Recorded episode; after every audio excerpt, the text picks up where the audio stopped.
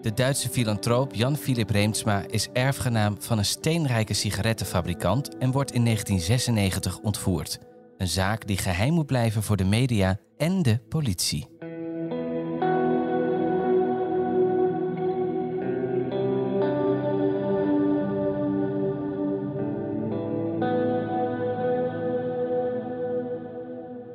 Je luistert naar onze podcast Ontvoerd.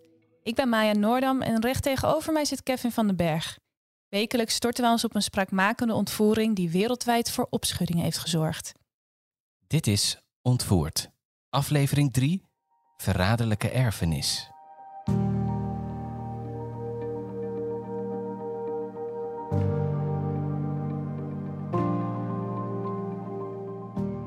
Jan Philip Reemsma werd geboren op 26 november 1952 in het Duitse Bonn.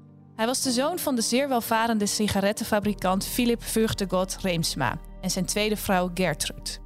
Het tabaksconcern van Reemsma, fabrikant van onder andere Peter Stuyvesant sigaretten, behoorde tot de grootste van Europa. Jan Philip groeide op in de Hamburgse wijk Blankenese en ging een oud naar het gymnasium. Na de middelbare school studeerde hij literatuur en filosofie aan de Universiteit van Hamburg. In diezelfde plaats richtte hij in 1984 de Stichting voor de Promotie van Wetenschap en Cultuur op. Ook startte hij dat jaar het Hamburg Instituut voor Sociaal Onderzoek. Na zijn 26e mocht Jan Philip volgens het testament van zijn vader over zijn erfenis beschikken. Hij was echter meer geïnteresseerd in filosofie, literatuur en liefdadigheid dan in het ondernemerschap. In 1980 verkocht hij dan ook het meerderheidsaandeel in het tabaksconcern voor maar liefst 350 miljoen mark, zo'n 175 miljoen euro. Hierna had hij geen enkele band meer met de organisatie. Hij trouwde met psychoanalytica Anne-Katrien Scherer en in 1982 kregen ze een zoon, Johan. Het gezin woonde in de luxe Hamburgse villa-wijk Blankenese. Jan Philip stond bekend als een mediaschuwe Einzelganger.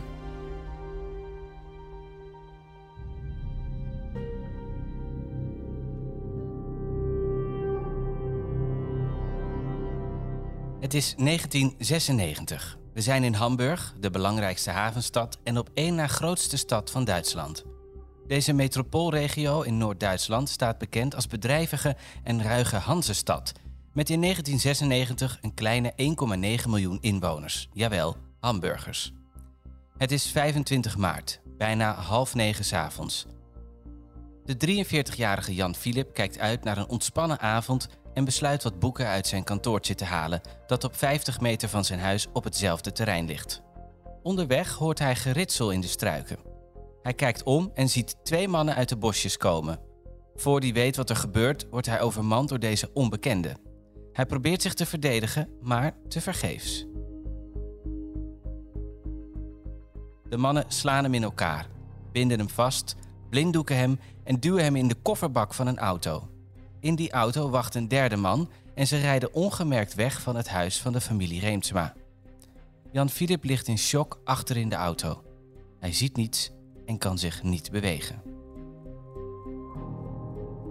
Na anderhalf uur stopt de auto bij een verscholen gebouw. Jan Philip wordt uit de auto getild en naar een piepkleine kelderruimte gebracht. De ruimte heeft geblindeerde ramen en om te voorkomen dat hij ontsnapt, wordt Jan Philip met een ketting om zijn enkel aan de muur vastgeketend. Pas na een uur merkt Jan Philips vrouw Anne-Katrien, die 100 meter verderop een eigen villa bewoont, dat haar man verdwenen is. Na enkele vergeefse pogingen tot telefonisch contact gaat ze naar zijn huis.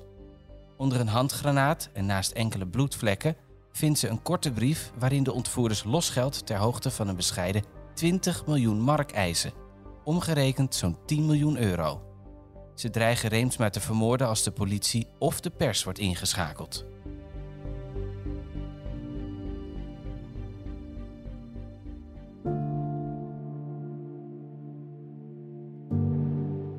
Ondanks het dreigement raadt een vriend van de familie Anne-Katrien aan nog diezelfde avond contact op te nemen met de politie van Frankfurt.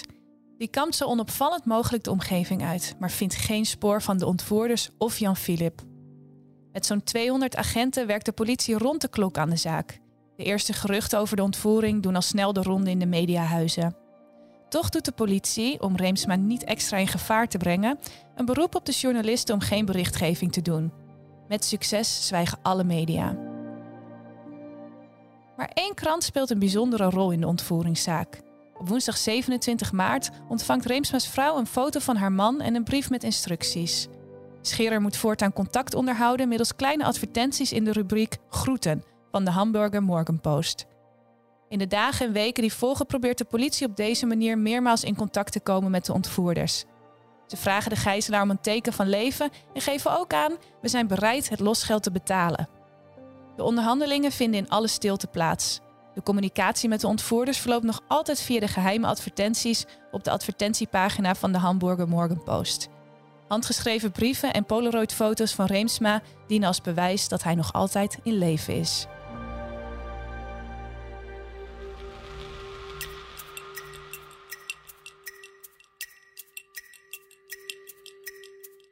Terwijl de onderhandelingen in volle gang zijn, verblijft Jan Philip nog altijd in de kelder. Hij wordt redelijk goed behandeld. Hij wordt niet meer geslagen, krijgt genoeg te eten en te lezen en zijn ontvoerders verschonen zelfs regelmatig zijn beddengoed. Ondertussen hebben de politie en de ontvoerders een akkoord bereikt. Op 3 april, dag 9 van Reemsma's gevangenschap, moet de overhandiging van de 20 miljoen mark aan losgeld plaatsvinden in de buurt van Hamburg. Reemsma's vrouw en advocaat Johan Sven rijden naar de afgesproken plek om het geld te overhandigen. Maar de overdrachtslocatie bij de oprit van de snelweg bestaat niet zoals beschreven door de ontvoerders. Poging mislukt. Op 13 april, wanneer Reemsma inmiddels 19 dagen is ontvoerd, is het tijd voor de tweede poging. De ontvoerders sturen advocaat Sven naar Luxemburg en vervolgens naar Trier. De bezorger gooit de zak met geld op verzoek over een hek.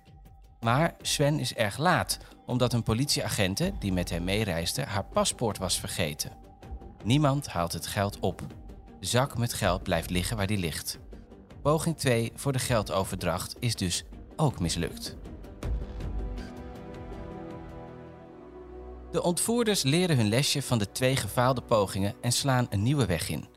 In overleg met Jan Philip nemen ze contact op met de Hamburgse predikant Christian Arndt en de Kielse sociologie-hoogleraar Lars Clausen, allebei vertrouwelingen van Jan Philip.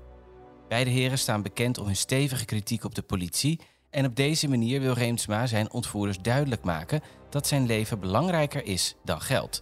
De politie weet dan ook van niets. Ook verhogen de ontvoerders inmiddels hun losgeldeis.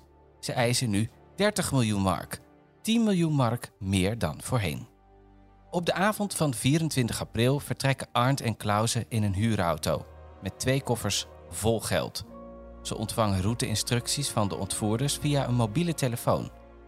De twee parkeren de auto uiteindelijk op een onverharde weg bij Kreeveld. Kort daarna melden de ontvoerders: ze hebben het geld ontvangen. Het hoogste losgeld dat ooit in Duitsland is betaald.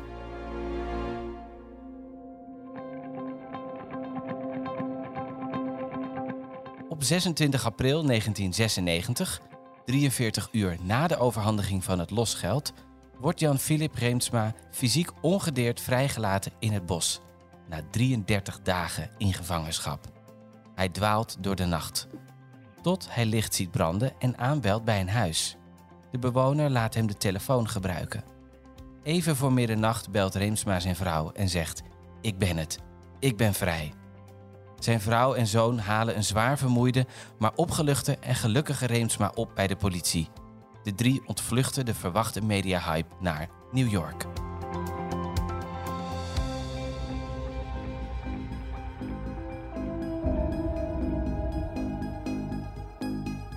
Daarna ontketent de politie een klopjacht op de daders. Er wordt diezelfde dag nog een grote persconferentie gehouden, waarin pas officieel het verhaal van de ontvoering met de buitenwereld wordt gedeeld. Er wordt een beloning van 100.000 mark, zo'n 50.000 euro, uitgeloofd voor tips die leiden tot hun aanhouding. Met behulp van informatie van Jan Philip kan de politie een aantal belangrijke kenmerken van de daders delen met het publiek, waaronder over hun lengte en gestalte. Volgens Jan Philip spraken de ontvoerders verder onderling Engels, maar Duits als ze met hun familieleden belden. De politie zegt dan ook dat ze ervan overtuigd zijn dat de ontvoerders Duits zijn. Tijdens de persconferentie worden opnames afgespeeld van een telefoongesprek met de daders, die de media verder verspreiden. Het onderzoek breidt zich uit tot het buitenland. Reemsma zag namelijk tijdens zijn ontvoering in een flits een geel-zwarte kentekenplaat op de auto van de ontvoerders, zoals die in Groot-Brittannië, Nederland en Luxemburg wordt gebruikt. Hij meent zich ook de eerste letters van dat kenteken te herinneren: FV of VF. Er komen honderden tips binnen die vooral te maken hebben met de stem van de ontvoerder op de geluidsband. Verder krijgt de politie telefoontjes over het buitenlandse kenteken op de auto van de ontvoerders.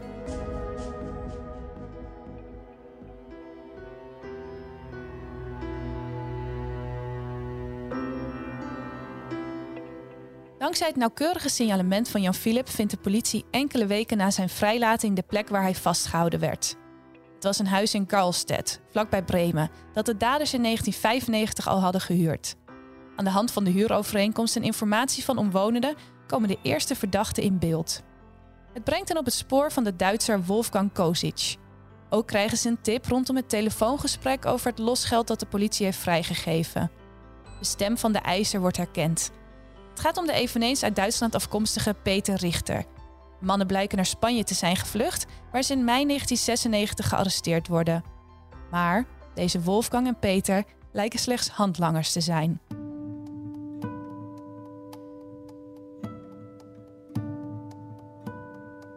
In 1998 komt de politie op het spoor van Thomas Drag.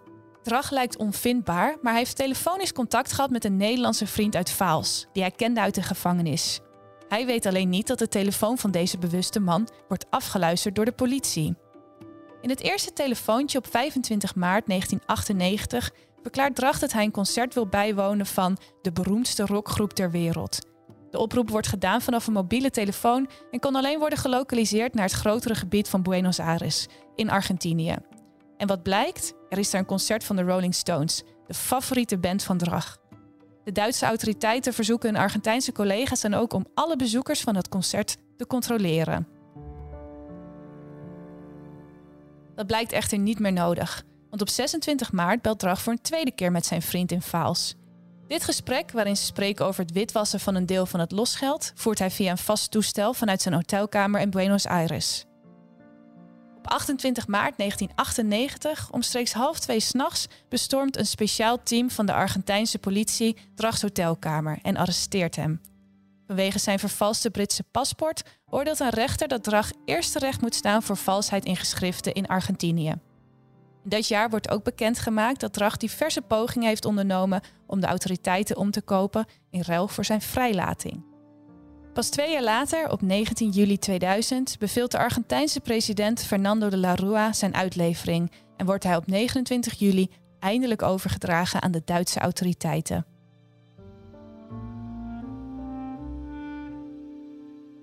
De Duitse topcrimineel Thomas Drag wordt gezien als aanstichter van deze ontvoering. Maar wat weten we eigenlijk over deze man?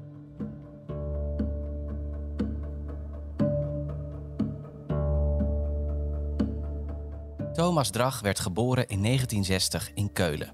Zijn vader was manager bij Miele, zijn moeder werkte als secretaresse. Hij groeide op met zijn broer Lutz, die bijna een jaar jonger was. Volgens zijn moeder raakte Thomas geïnteresseerd in auto's toen hij 12 jaar oud was. Al een jaar later werd hij voor het eerst opgepakt door de politie voor het inbreken in auto's uit de buurt. Op 17-jarige leeftijd begon hij auto's te stelen op bestelling. Toch was Drag als kind nooit gewelddadig en vocht hij niet met andere kinderen. Wel viel zijn voorliefde voor opvallen toen al op. Toen hij zijn middelbare school wegens slechte prestaties moest verlaten, begon Drag een opleiding tot automonteur die hij later weer opgaf. Op 18-jarige leeftijd beroofde Thomas een supermarkt. In 1981 deed hij samen met zijn broer een opzienbarende overval op een spaarbank in Keulen. Ze reden met een auto door de glazen puin naar de balies, bedreigden medewerkers met jachtgeweren en eisten geld. De twee broers werden kort daarna gearresteerd. In hetzelfde jaar verliet de vader het gezin Drag.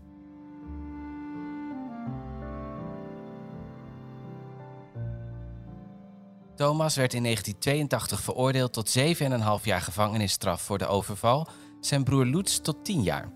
Na zijn vrijlating werd Drag beschuldigd van criminele activiteiten in Oost-Europa en hij pendelde regelmatig tussen Keulen en Budapest.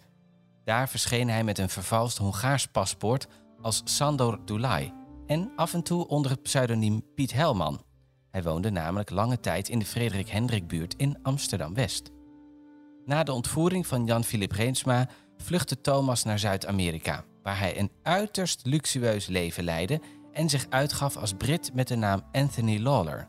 Hij woonde daar in de chique badplaats Punto del Este in Uruguay. Maandelijkse huur 30.000 dollar. En hij betaalde 125.000 dollar contant voor een nieuwe Mercedes cabriolet. Tot de politie hem daar vindt en arresteert. Na zijn uitlevering in het jaar 2000 begint de rechtszaak tegen Thomas Drag over de opzienbarende ontvoering. Drag wordt een jaar later veroordeeld tot een gevangenisstraf van 14 jaar en 6 maanden. In 2007, na twee derde van zijn straf, wijst de rechtbank zijn verzoek tot vervroegde vrijlating af. In oktober 2013 komt hij wel vrij, onder een aantal voorwaarden, waaronder elektronisch huisarrest. Hij komt onder deze voorwaarden uit omdat hij voor zijn vrijlating heeft aangegeven dat hij naar het buitenland wil verhuizen. Drag woont een tijd bij een gevangenisvriend op Ibiza en verdwijnt daarna van de radar. Naar het schijnt blijft hij wel actief in het criminele circuit. Hij wordt verdacht van meerdere roofovervallen, waarvoor de daders bij de overvallen telkens auto's gebruikten die in Nederland waren gestolen. Drag wordt in Duitsland verdacht van drie gewelddadige overvallen in 2018 en 2019 op geldtransporteurs. Onder meer op de luchthaven van Keulen, waarbij Drag met een machinegeweer een bewaker ernstig zou hebben verwond. Op 9 november 2019 zou hij betrokken zijn geweest bij een overval op een geldtransport in Frankfurt, samen met een toen 52-jarige Nederlander. Beide heren zijn na een Europees aanhoudingsbevel gevonden. De Duitse beroepscrimineel is in februari 2021 in Amsterdam opgepakt. Later dat jaar is Drag uitgeleverd aan Duitsland en het proces is anno 2022 in volle gang. Natuurlijk is Thomas niet de enige die terecht moet staan voor zijn aandeel in de ontvoering.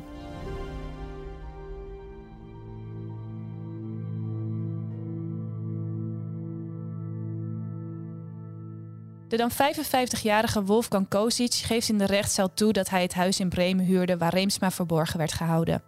Ook vertelt hij dat hij eten en boeken voor hem kocht. Kozic claimt dat hij geen rol heeft gespeeld in de daadwerkelijke ontvoering, maar dat hij Reemsma pas voor het eerst zag toen deze al zat opgesloten in de kelder. Kozic wordt veroordeeld tot 10,5 jaar gevangenisstraf voor ontvoering. Pas 15 jaar later, in 2011, komt hij weer vrij. Op het moment van de ontvoering zat hij in zijn proeftijd na een eerdere misdaad, waardoor zijn straf werd verlengd. Op 10 februari 2014 wordt het lichaam van Wolfgang Kozic gevonden in de zee voor de Portugese Algarve. De lokale politie gaat ervan uit dat het om zelfmoord gaat. De Rijksrecherche en het parket van Hamburg achten daarentegen ook een moord mogelijk en onderzoeken deze mogelijkheid. In november 2015 wordt het onderzoek echter stopgezet, omdat ze geen bewijs voor moord kunnen vinden. Handlanger Peter Richter wordt samen met Wolfgang Kozic gearresteerd en bekend dat hij de telefoontjes heeft gepleegd om losgeld te eisen van de familie Reemtsma. Hij wordt veroordeeld tot vijf jaar gevangenisstraf voor medeplichtigheid en in 1999 weer vrijgelaten. In de zaak worden nog diverse andere betrokkenen veroordeeld, waaronder Drag, de broer van Thomas, die in 1996 veroordeeld wordt tot 18 maanden gevangenisstraf wegens poging tot het witwassen van het losgeld. Bernd Dieter Kramer wordt hiervoor in 2008 ook veroordeeld door de rechtbank van Aken en een fysiotherapeut die herhaaldelijk als courier had opgetreden bij het witwassen van het geld, krijgt in 2001 vijf jaar gevangenisstraf.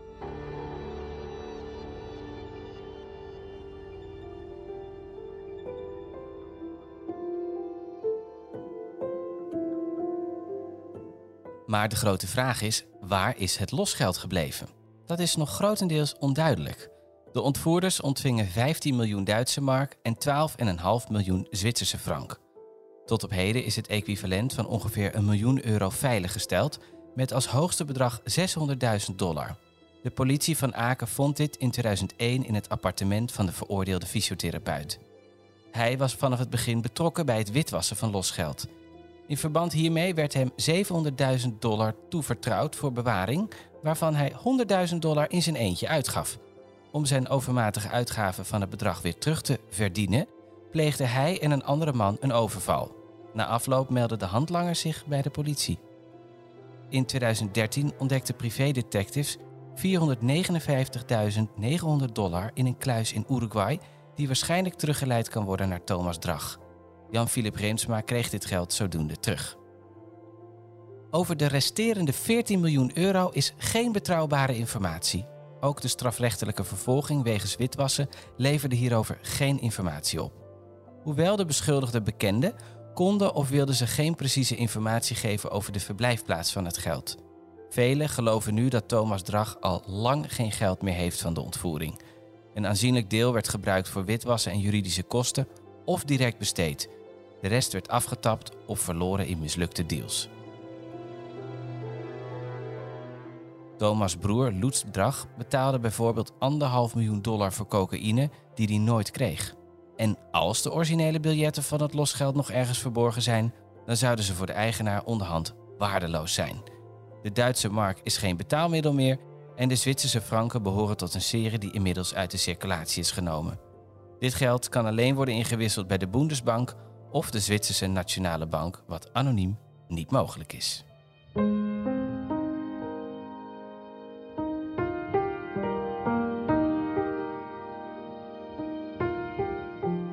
Na de ontvoering heeft Jan Philips zijn activiteiten voor de wetenschap en goede doelen voortgezet. Hij heeft vele prijzen gewonnen voor zijn werk rondom onder meer literatuur, tolerantie in de maatschappij en sociaal-wetenschappelijke analyses naar geweld. Hij schreef meerdere essays en boeken, waaronder over zijn ontvoering in de kelder.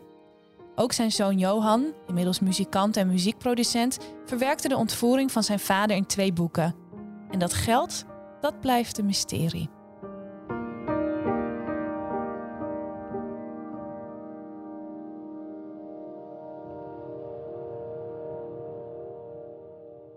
Tot zover het verhaal over de geheime ontvoering van Jan-Philip Reemsma. Wil je een beeld krijgen van Jan-Philip en zijn ontvoerders, zoals Thomas Drag en Wolfgang Gosic? Kijk dan op onze Instagram-pagina ontvoert de podcast. Volgende week hoor je de ontvoeringszaak van Jen Broberg, die maar liefst twee keer werd ontvoerd en veelvuldig misbruikt door een familievriend. Tot dan.